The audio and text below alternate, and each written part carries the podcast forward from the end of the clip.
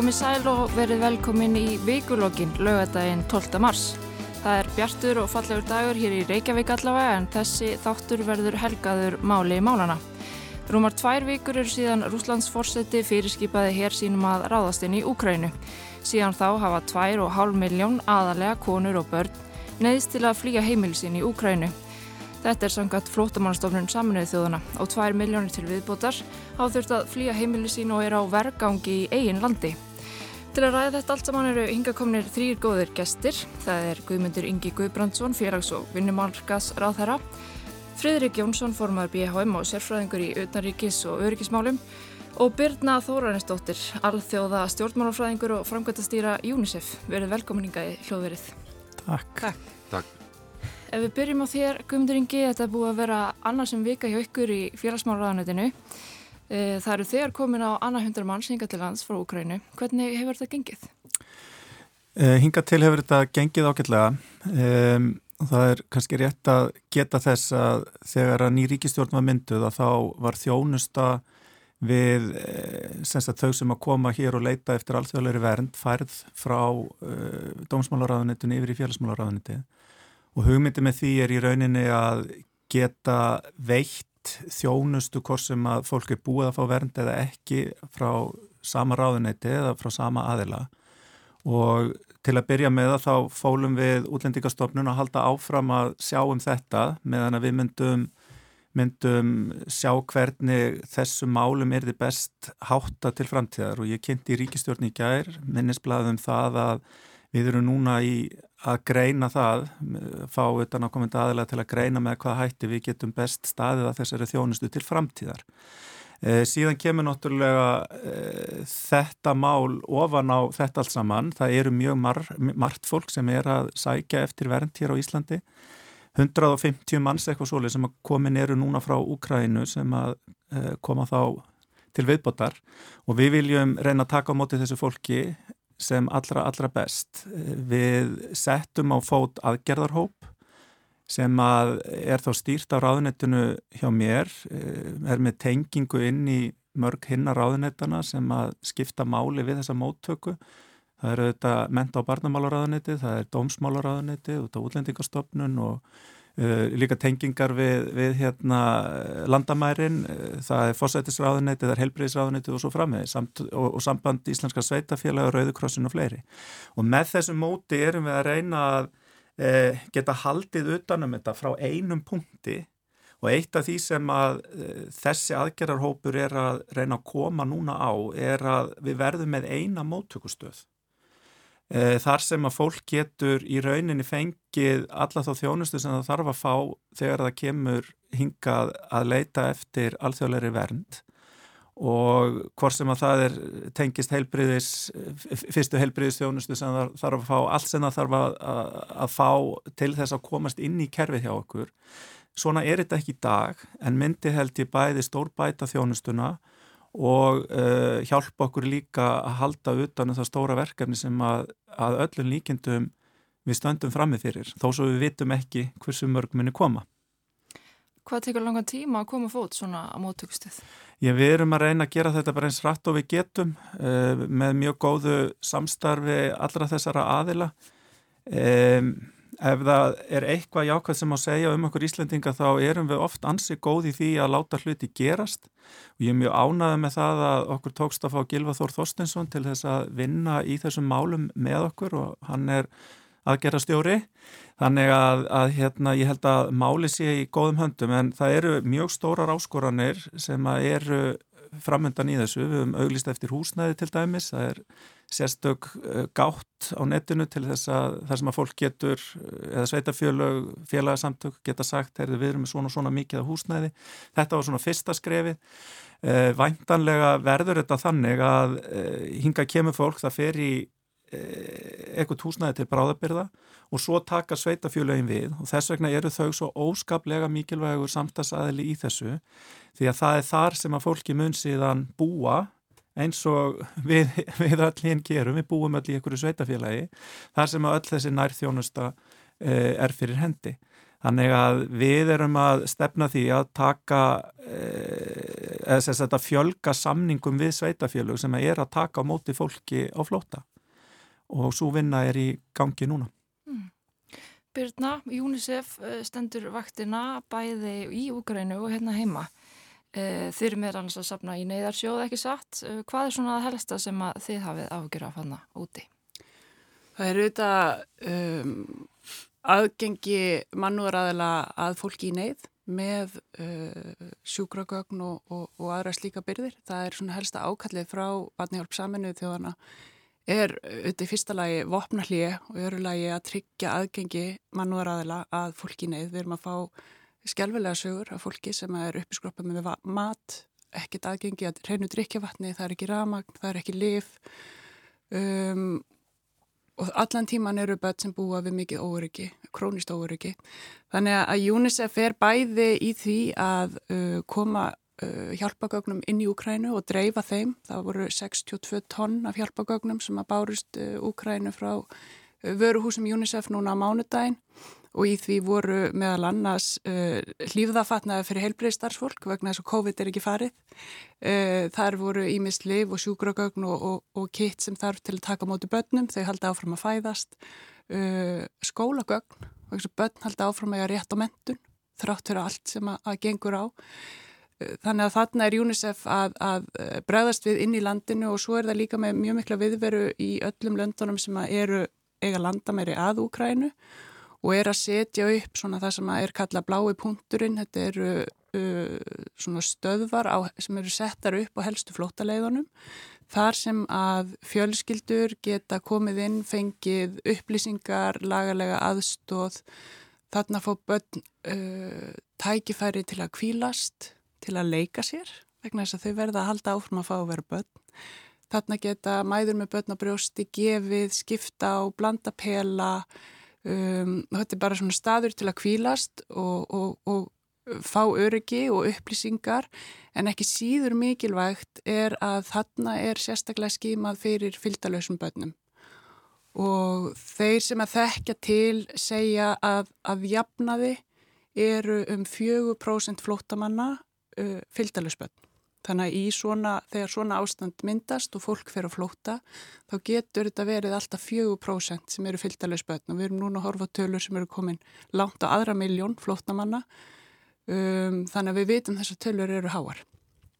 Og þá komum við kannski að því sem að við erum svona að horfa til hérna heima og það er mjög gott að heyra frá ráð þeirra hversu mikið starfir komið af stað hérna innanlands til að taka mótið þessum hópi. og og við vitum að þarna verða fylgdælusbönn og við vitum líka að fylgdælusbönn uh, hafa verið að koma til Íslands og er að koma til Íslands ekki bara frá Ukræn og öðrum löndum. Og við verðum að taka sérstaklega vel á mótið þeim og þau þurfa bara allt önnur úræði heldur um futtarnir sem komið til landsins. Og þar getum við unni bragabót á.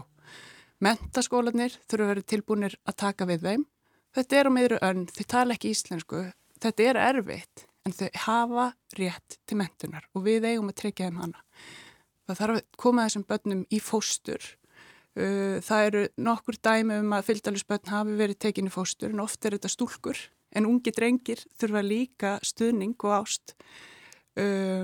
Heilsugeslan þarf að vera tilbúin til að taka á mótið þeim eins og kerfiði núna þá þurfa þau fyrst að fara í heilbriðstjekk hjá sótvarnareyföldum áður en þau geta komist í skóla Það getur tekið marga vikur að koma stað en ef að þau getur komið, komist beint inn í heilsugæsluna um, þá komist þau fyrir skóla. Þannig að þetta eru svona kannski helstu aðtrinn sem að við erum að horfa á fyrir utan það að við vitum að sko það eru miljón börna flótta frá Ukrænu, öll umgjörðin um móttöku flóttamanna á Íslandi fyrir þennan hóp og aðra hópa sem hinga koma þurfa að taka mið af sjónamöðum og þörfum og réttundu barna.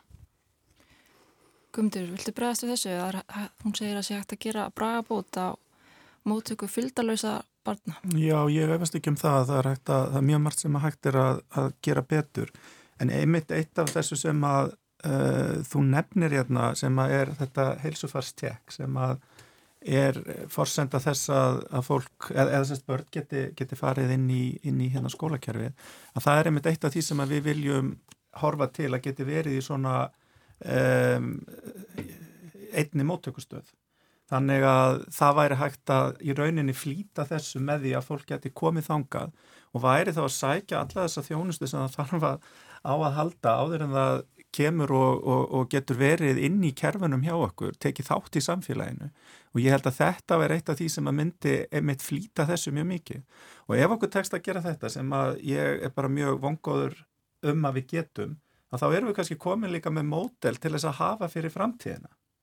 E, og það er, e, það er jákvægt e, sem að gæti einmitt að hluta til mætt því sem að, sem að þú ert að, að nefna hérna. En síðan má kannski líka bara segja að það eru það eru mjög margir viðkvæmir hópar sem að um er að ræða. Við erum að horfa á til dæmis fallað fólk sem að margt hvert er sko fast inn í Úkrænu, kemst ekki út, eh, getur ekki flúið. Þó er, er fölluðu fólki líka að fjölka á landamærunum.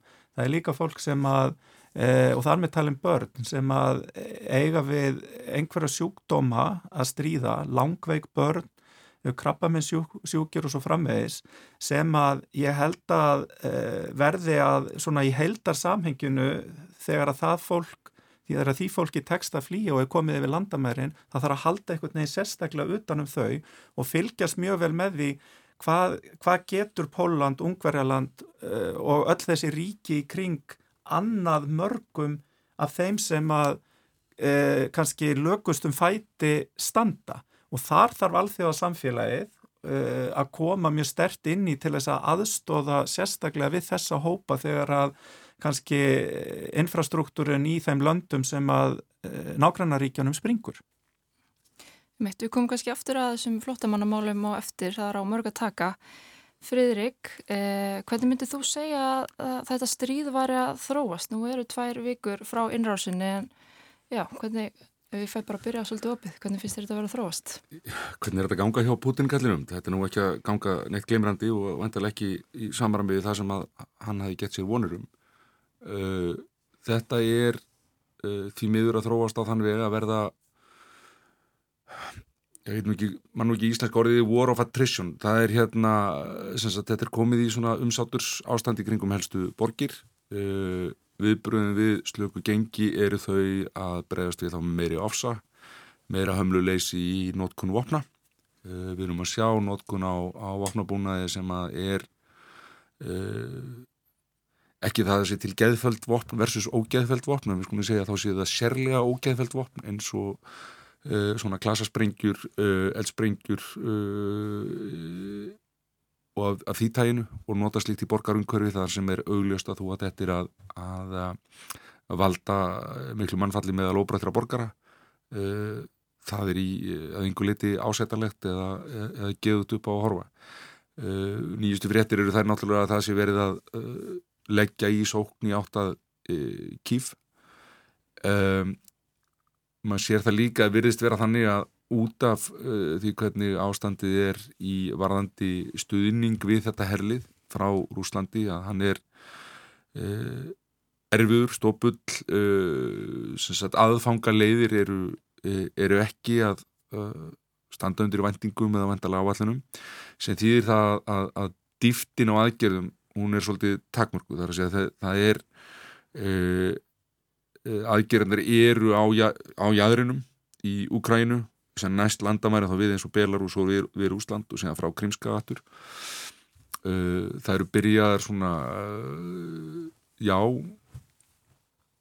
kallaði annað heldur en ákveðna svona hriðverka árásir inn í vestur Úkrænu sem er, tilgangurinn er vantalega meira til þess að valda óta og, og, og, og fæla frá að og eru nú verið að dreifa aðtekli úkrænumanna þannig að þeir þurfi allstaðar séu hvergi óhuldir Uh, þó að kannski megin áherslan sé á, á höfuborgina og, en þá á, á austurhjörðin en uh, baráttuður úkrænumanna er, er það sem hefur staðið rúsum fyrir þrifum uh, og gerir enn.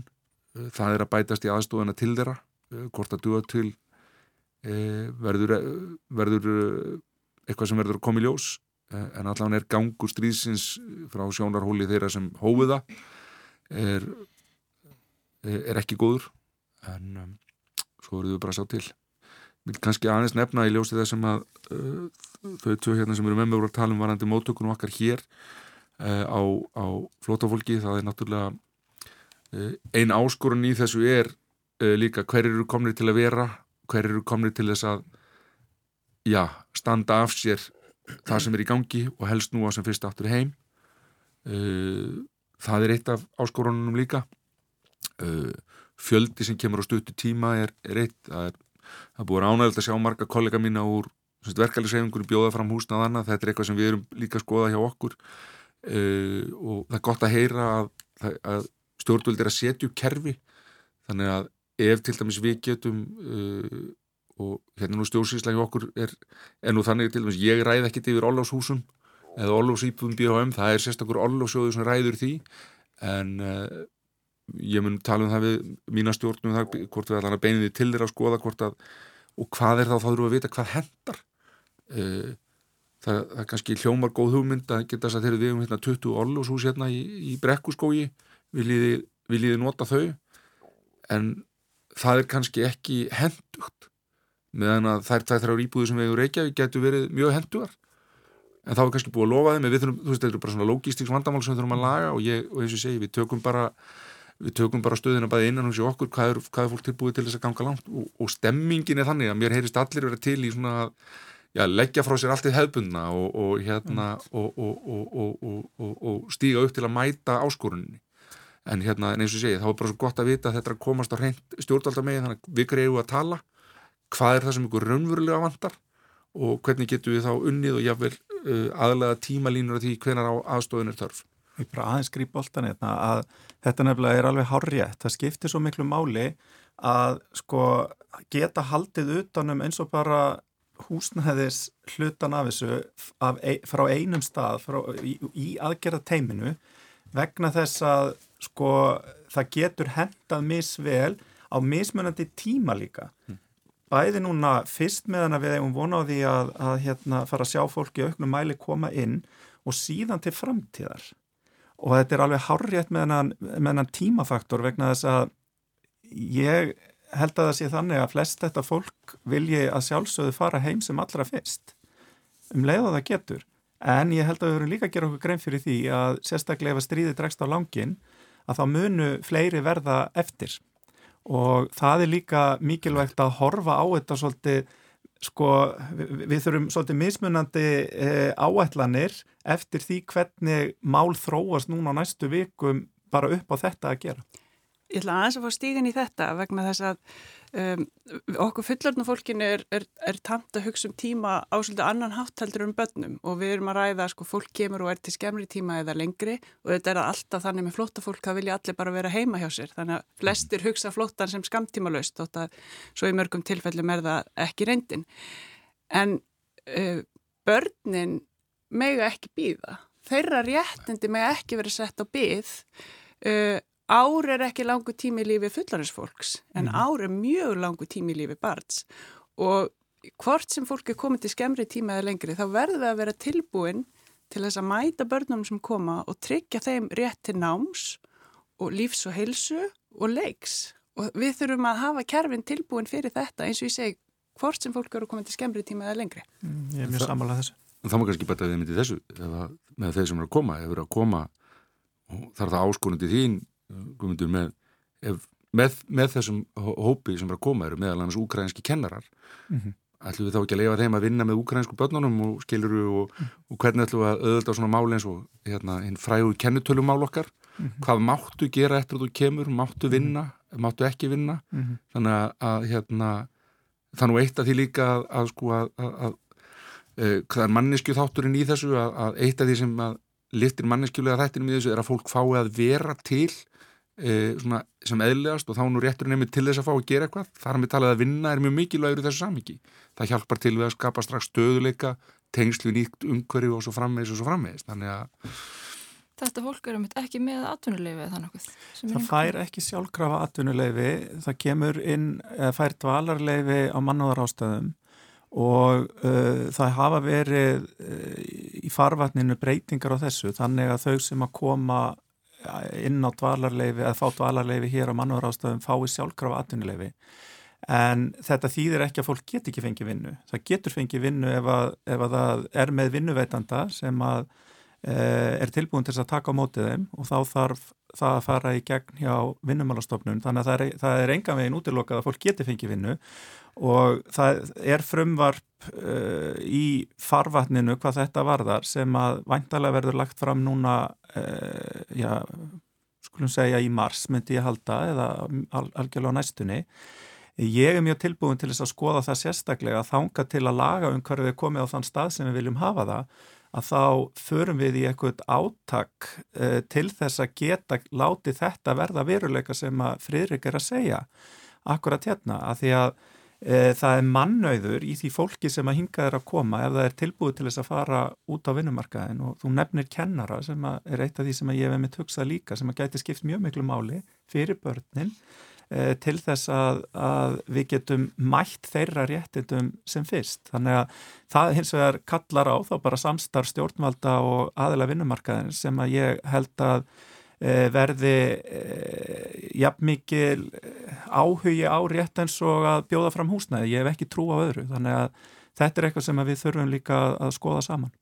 Já, við bara rétt grýp inn í það, það sem að ég sé mögulega að koma út úr þessari krísu og þessum stóru fjölda flóttamanna sem við erum að fá núna og þessum einstaka samhug Já. Íslendinga með hópnum eru opnanir eins og það sem við erum að ræða hérna að það sem við fáum út úr þessu sé kerfi sem að er tilbúnara og opnara til að taka móti flóttafólki, ekki bara frá Úkrænu, heldur frá fleiri, fleiri ríkjum, vegna að það koma svo sannarlega flóttamenn frá fleiri stöðum en Úkrænu til Íslands.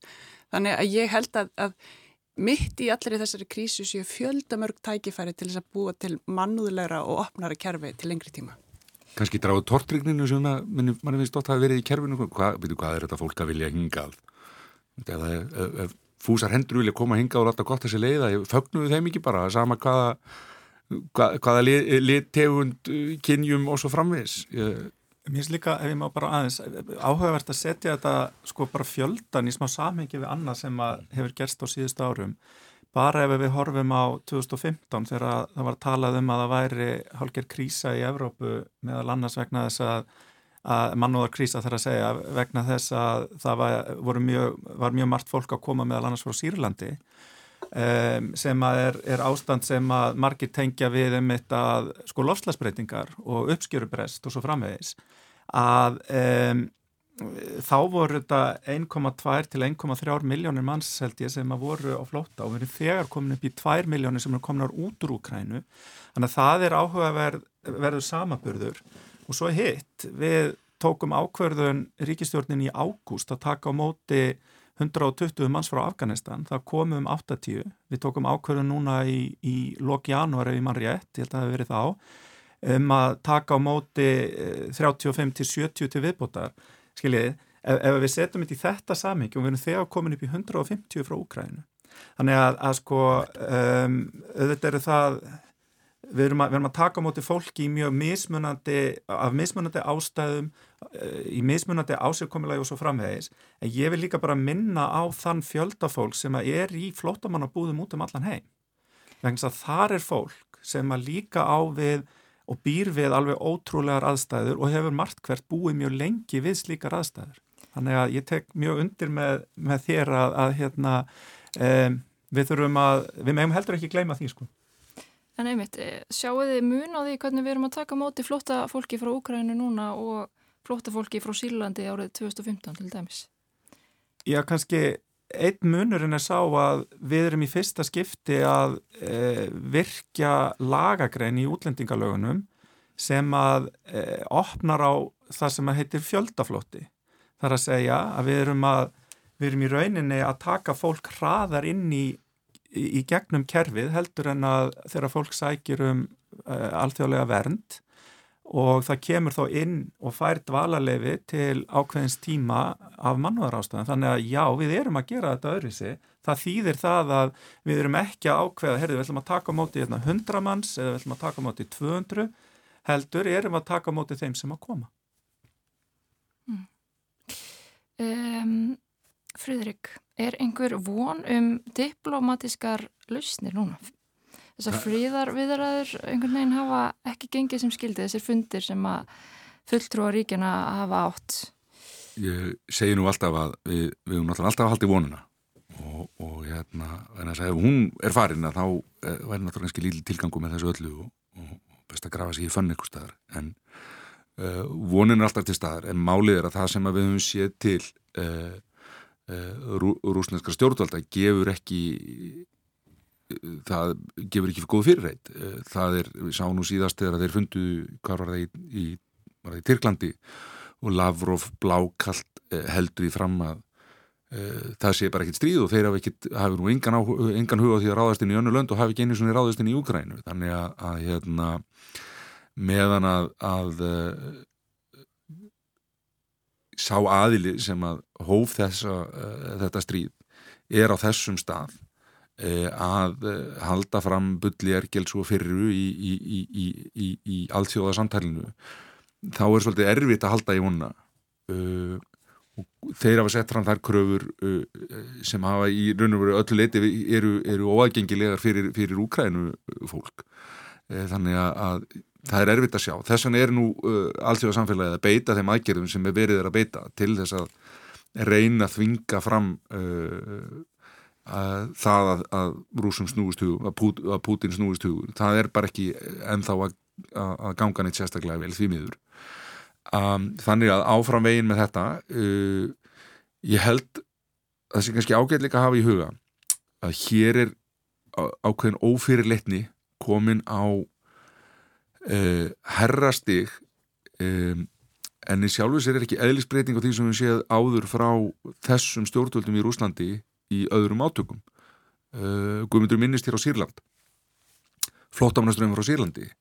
Uh, við skulum ekkert gleima því að Rúsland er gerandi í, í sílandsriðinu uh, aðal stöðunísríki Assad hefur tekið beinan og virkan þátt í hernaðarækjum í Sýrlandi með skelvilegum alvegum sem meðal annars leittu til uh, mikil flótamannaströðum staðan það að beita flótamönnum beinlinni sem sko herrtækni vopni í átökum Putin Rúslands við Vesturlönd. Já, það er bara því miður, það er hluta strategíunni. Þannig að, að hérna já, þetta er þetta er ekki auðvelt. Uh, þessu verður því miður að mæta af miklu afli.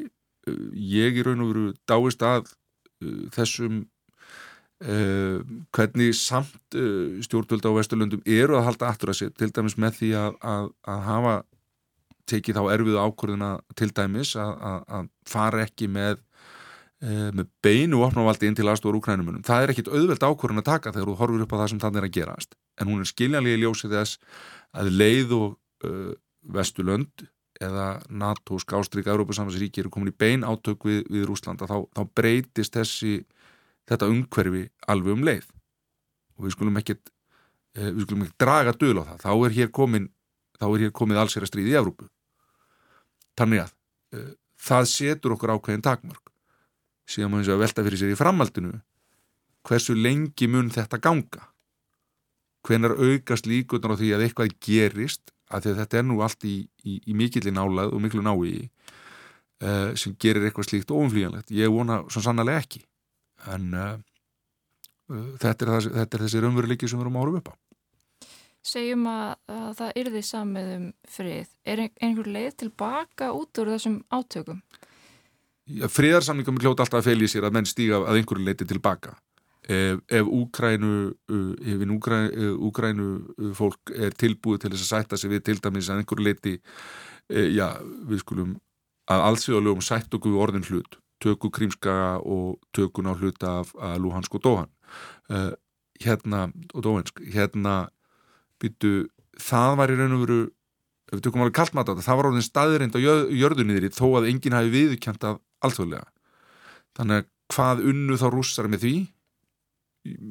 Jú það er að koma með þá það tæknilega debatt, jú með því að fá það viðkjönt uh, þá hafi eitthvað verið unni gott og vel.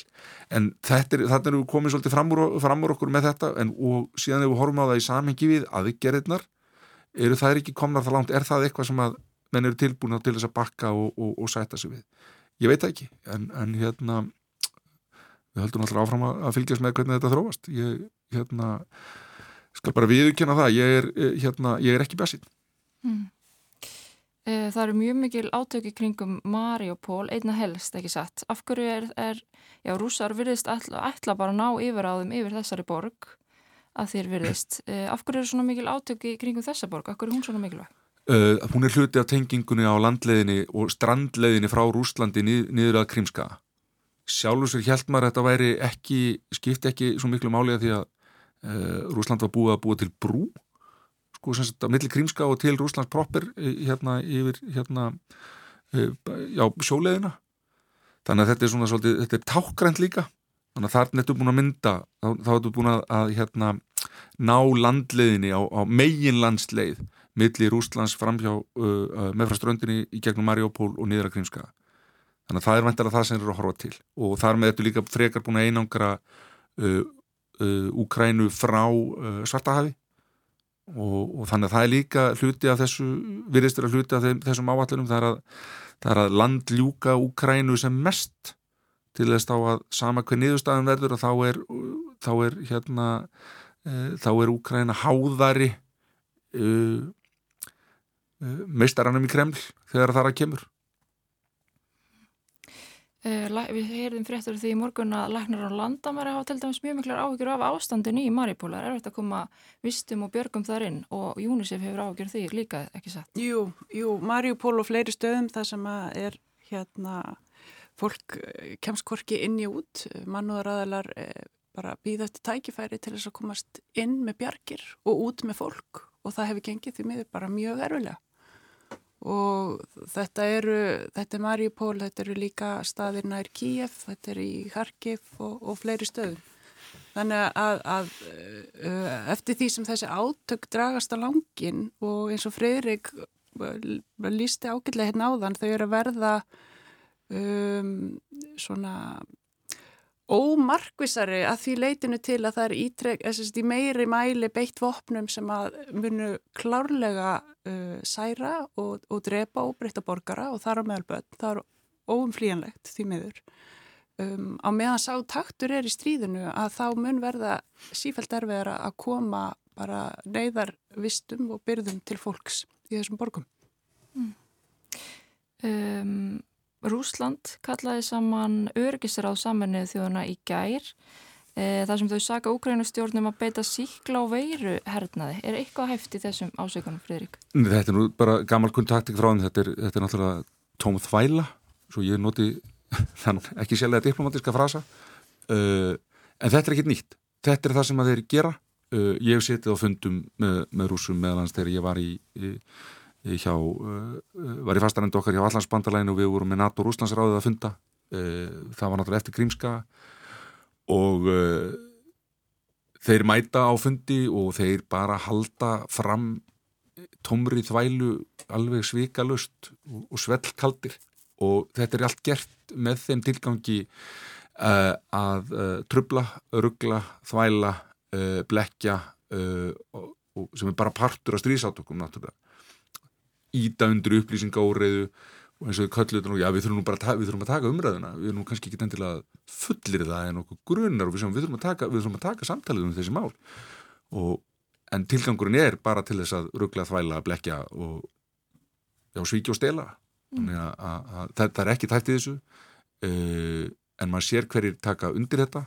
Þessum náttúrulega dreift þetta er, þetta, þetta er bara, þetta er óður hluti af þessum fjöldþáttahernaði uh, sem að við sjáum sem eru raun og verið alltaf verið hluti á stríði en, en gerist með mjög öflur hætti í dag á, á tímum internets og samfélagsmiðla og svo framvegis og, og getur því miðurstundu verið mjög skilvirt mm. Eitt ef ég má eins koma bara inn í þessa umræðu um, um samskipti Rúslands og Úkrænu og Rúslands og Evrópu þá er náttúrulega já og Rúslands og Kína mm. sko þetta þetta, þetta þetta er ótrúlega það er mjög áhugavert að sjá hvernig þetta munni þróast ef að stríðið heldur áfram vegna svona þessara tenginga sérstaklega hvað var þar orkumál á milli Rúslands og Evrópu uh, hversu uh, sko mikil áhrif þessar viðskiptaþvinganir munu hafa á rúsa eða munu þeir geta halla sér meira upp að Kína. Skilji þetta er það sem er svona svolítið í, í umræðinu og við höfum kannski ekki svör við akkurat núna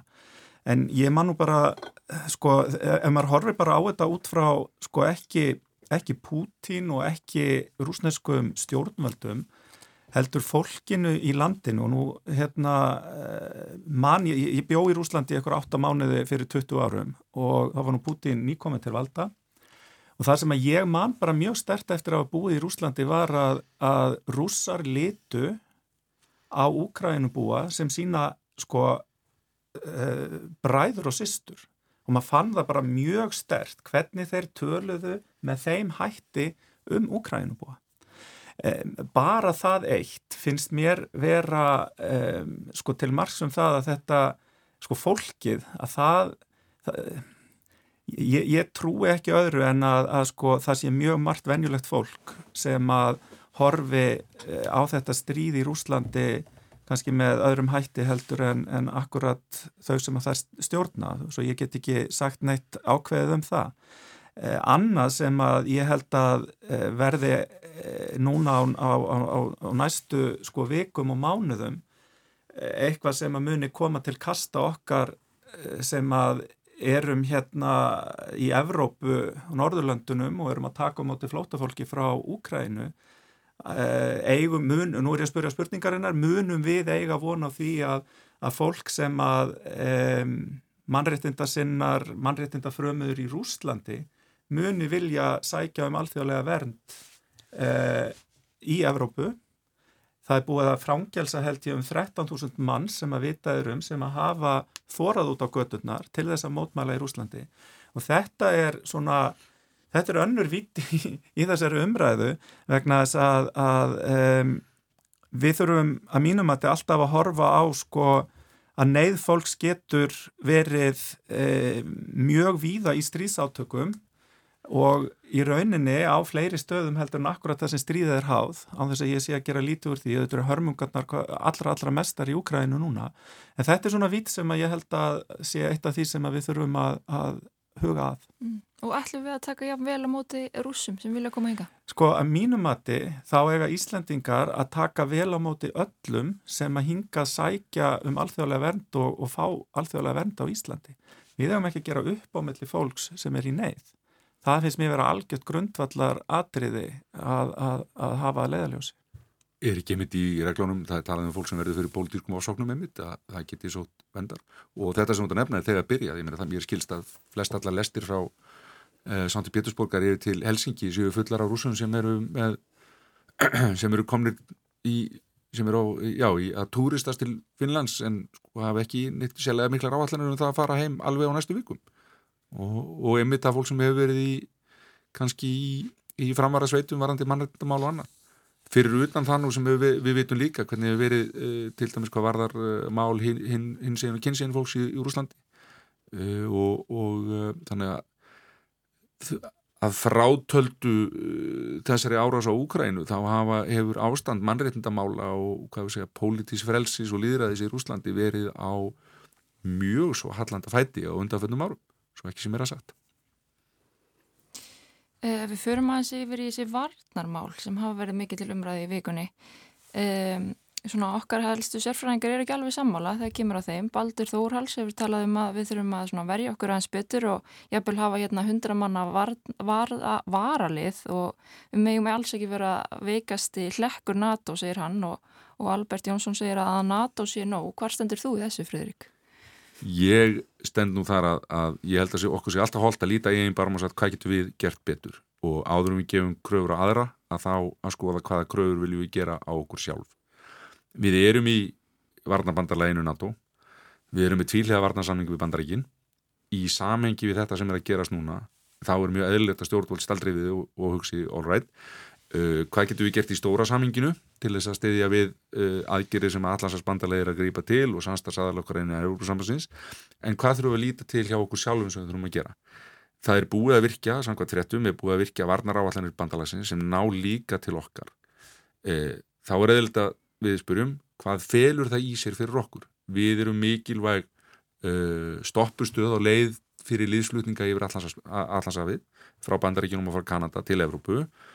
Uh, við erum skuldbundin til þess að veita hér gisturíki stuðnings til, uh, til NATO heirabla uh, sem eiga hér leiðum okkar svæði. Það kostar. Þannig að ég gerir ráð fyrir því að mínir ágætu kollegar í utverkssjónustunni séu í samtali við við nokkar í uh, bandarækjaman það er beinlinnist hannig að samkvæmt uh, uh, varnarsamninum og samkómulægi sem gert var 2006 þegar varnarliði fór hér að þá er þar áskilið í, í samkómulæginum 2006 að á hættu tímum þá eigum við að taka upp sérstatt samráð.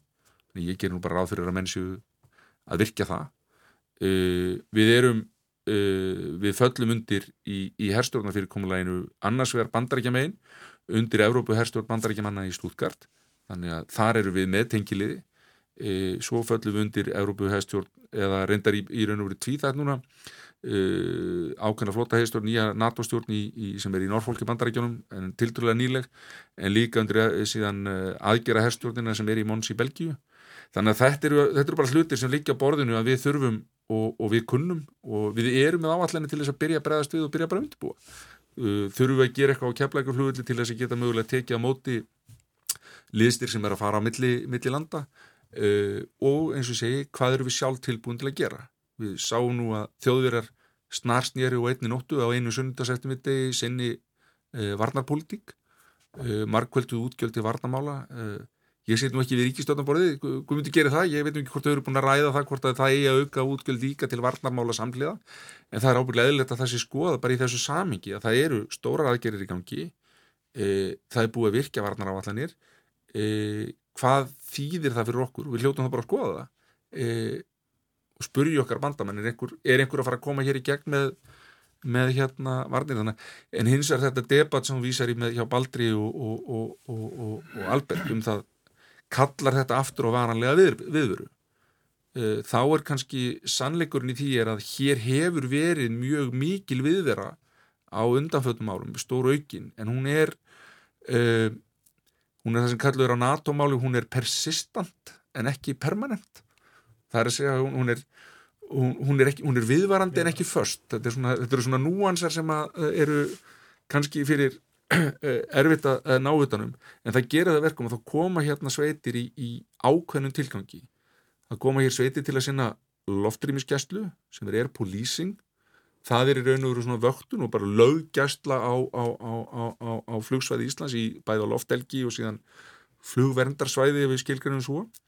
E, síðan hafa verið að koma hér kapotalettarvélar til að sína þeim ákveðnu verkefnum en þetta eru, uh, þetta eru ákveðnu verkefni, þau eru ekki hluti af he, svona heildrænu hérna uh, skipulagi eins og var þegar hér var fast viðvera varnalis hvort við þurfum eitthvað slíkt svoleiðis aftur ég held að það sé ég til, til að verðu, verðu, verðu að umræða að taka en ég spóla aftur tilbaka þess að ég sagði fyrst kannski rétt að við byrjum á að horfa á þessu ok, hvað er það sem við þurfum sjálfa að gera í ljósi þeirra skuldbindinga sem við um þegar undirgengist á vettvangi allans bandalagsins e, innan saminuðu þjóðana í Európusamstarfi, tvílega samstarfi við e, bandaríkin og svo framvegis. Hvað er það sem við þurfum er það sem við sjálfurum að gera núna er það fullnæðandi þarf það á einhverju styrking að halda uh, og, og hérna, hvernig getur við náð undir það uh, eða utanum það þokkalega heildrænt. Og hverju svarar þú, Guðmundur? Ég, ég svara því náttúrulega eins og þið vitið alltaf um, ég er í vinstri grænum sem að hafna aðild af allansarspandaleðinu við hens vegar Ekkert að skipta um skoðun?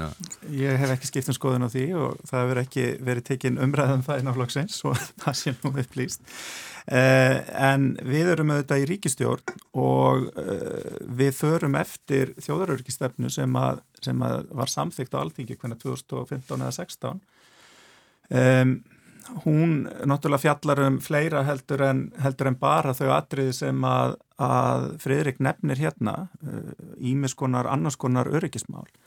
Um, við höfum ákveðna skuldmyndingar, það er alveg rétt. Það hefur til dæmis ekki verið rætt við ríkistjórnaborði uh, hvort að við séum að fara að auka framlög. Uh, þetta er auðvitað eitthvað sem er meira á borði utanríkisráþurra og fórsættisráþurra að, að hérna takast á við, við þessi mál. En um, já, hvað skal segja? Ég er bara einlegur friðarsinni sem ég held að við séum öll. Svo sjáum við, horfum við á hlutinu svolítið með mismannandi hætti þegar kemur að því hvort að við viljum taka þátt í hernaðabandalögu með öðru. Ég er þeirra skoðunar að við eigum ekki að gera það. Og ég er þeirra skoðunar að við eigum að tala fyrir friði á alþjóðavettvangi, við erum herrlaugstjóð og uh, ég held að það sé fyrir litla, uh, lítið ríki eins og okkur hægt að ná árangri með því að, að svo rött heyrist frekkar heldur en að við séum að reyna að vera þáttækandur í einhverju hernaðbröldi. Ég held að, að hérna, sko, ég held að það sé svolítið áhugavert að vita svo sem hvernig umræðan verður hérna innanlands en það er alveg ljóst að út um alla Evrópu og bara öllu norður allansaf svæðinu er, sko, eru bara stórkuslega breytingar eiga sér stað. Og ég held að það sé allir að svona svolítið að endur reikna sína hagsmunni um, upp og nýtt og í, í tíð fyrri fórsetta bandaríkjana að þá reyndan mikið með frekar ofsafengnu orðfæri og hegðun að, að neyða aðrar þjóðir, aðalda þjóði NATO til þess að auka stuðningsinn við bandalægið og annað slíkt og það var svona frekar með litlum árangri. En núna eins og frýri kom inn á eru bara þjóðverjar að, að taka bara uppeyju í, í sínum, sínum varnamálum og áhrifin af þessu eftir að, að vera töluverð og við sjáum þetta ekki bara í sko varnapólitíkinni heldur líka í Evrópapólitíkinni heilt yfir. Ég held að sko þessi tilfinning allt í hennu skipti máli í hvaða liðið þú ert ef við getum orðaða þannig og, og, og, og þá vil fólk vera uh, góðu liðsmaður. Þannig að sko áhrifin bæði varnapólitík en líka í Evrópapólitík eru djúbstæð. Við erum að horfa til dæmis upp á Evrópusamband sem er uh, meira samstíga en það hefur verið, ég, ég með langar til að segja bara á annan áratug sko. Þannig að áhrifin eru svo viðtæk og auðvitað, ég vinn í, í mannúðar og mannreitindabransanum og ef ég heyri að, að þjóðverjar ætla að setja 100 miljardar evra í varnamála þá er þetta svona sekkur svolítið í manni hjarta sem maður hugsa, vá, hvað verður hægt að gera við hann pening mm. og hérna og, og við eigum eftir að horfa upp á aukin výbúnað um, út um allt því miður uh, og við hefum eftir að setja uh, stórkoslegt fjármagn í það um, orgu og, og bjargir en, en, en það er því miður önveruleikin sem við horfumst á við í dag. En mér finnst líka sko að því þú nefnir þetta, nefnir þessar háu upphæðir uh, og tekur dæmi af, af sko Þýskalandi áhrifin af hernaði og áhrifin af stríðum á sko um, öll þau stóru, sko rísavöksnu verkefni sem við stöndum framme fyrir. Og ég tala nú ekki um að takast á við lofslagsbreytingar, takast á við fátækt í heiminum, takast á við þætti sem að snúa félagslegu og umhverfislegu málum. Um, að ég held að sko við megum ekki gleima þessum þáttum þegar að þó, þó, þó svo að þetta ástand sé mjög alvarlegt. Og það er ekki hægt að minna ofta á því. Ég ætla að taka eitt lítið dæmi sem er endar af COVID og erum ekki að líka þessu saman en um, ég man bara eftir því þegar ég var umhverfisráð þeirra og um, maður var oft í viðtölum um, um loslasmál. Þegar COVID kom það var ekki haft samband við mig í tvo mánuði út á loslasmálum og reyndar eiginlega bara ekki út af neinu, skiljiði. Þannig að það sem ég er að segja að sko málaflokkurinn, hann bara fjall gjörsamlega í skuggan af mjög sko stóru máli sem að var hérna í gangi allstaðir í heiminum. Og það er akkurat þetta sem að er eitt af sko neikvæðum afleðingum stríða að það er að áhrifin sem það hefur á stór mál sem að sko meiga ekkert býða fyrir nú utan náttúrulega áhrifin af hernaði líka bara eh, sko á, á náttúruna og á, á umhverfið og og, og síðan náttúrulega lofslægi líka. Þannig að minnst þetta mjög góðu punktur með, sem að þú nefnir hérna. Yeah. Þess vegna held ég fyrir ekki að ég bara fæja aðeins að reyðast inn sem að skiptir nú miklu máli að vera einmitt með góða varnir og í góðu varnar, varnarbandalegi eh, ef eitthvað hefur átt þátt í því að tryggja öryggi fríð og, og, og uppganga Evrópu frá setni hinsturöld þá held ég því fram að eitt af því sem að triði það var einmitt tilvist allarsasbandalagsins vegna þess að meðan að það er ennþá til fólk sem telur það bara eðlilegt og sjálfsagt að beita herabli eins og Putin er að gera núna í Ukrænu, Assad áður í Sílandi og við erum að gera uh, hérna, já, því miður á allt á mörgum stöðum út um allan heim að það eru uh, svona kalla-kallar sem finnst þetta bara eðlilegt og sjálfsagt að beita, beita, beita á opnavaldi til þess að ná fram markmiðin sínum að þá er uh, viðbrönu segja þá ætlum ég ekki að gera neitt verðan þess að ég er svo friðsall og, og ég, er svo, ég er svo góður. Uh, mér finnst þetta að vera svona ég, já, ég skal vera svolítið anstíkilugur, mér finnst þetta ákveðin diðaskreiting sem er frekar óviðandi uh, heimurinn er því miður ekki góður. Það er bara þannig og við þurfum þess að höfu við lauruglu uh, innanlands. Ég, hérna, við verðum að geta bröðist við en að sjálfsögðu þarf að vera jafnvæg og hérna við þurfum að gæta því á sama tíma við setjum pening í, í varnir og þá í herstyrk að þá fylgjum við peningur og mannæfli líka til þess að mæta hinn og við náum góðu jafnvæg það verður kannski til um einhvern tíma til annars samtals. Ef við tökum dæmi til dæmis og aðgerðum eins og í Afganistan. Þar var þetta jafnvægi aldrei gott. Það fór allt og stórt hlutvall í hernaðinn en allt og lítill í þróunum og aðstofun og byggja, byggja þar til að taka, taka dæmi aðeins út fyrir þetta.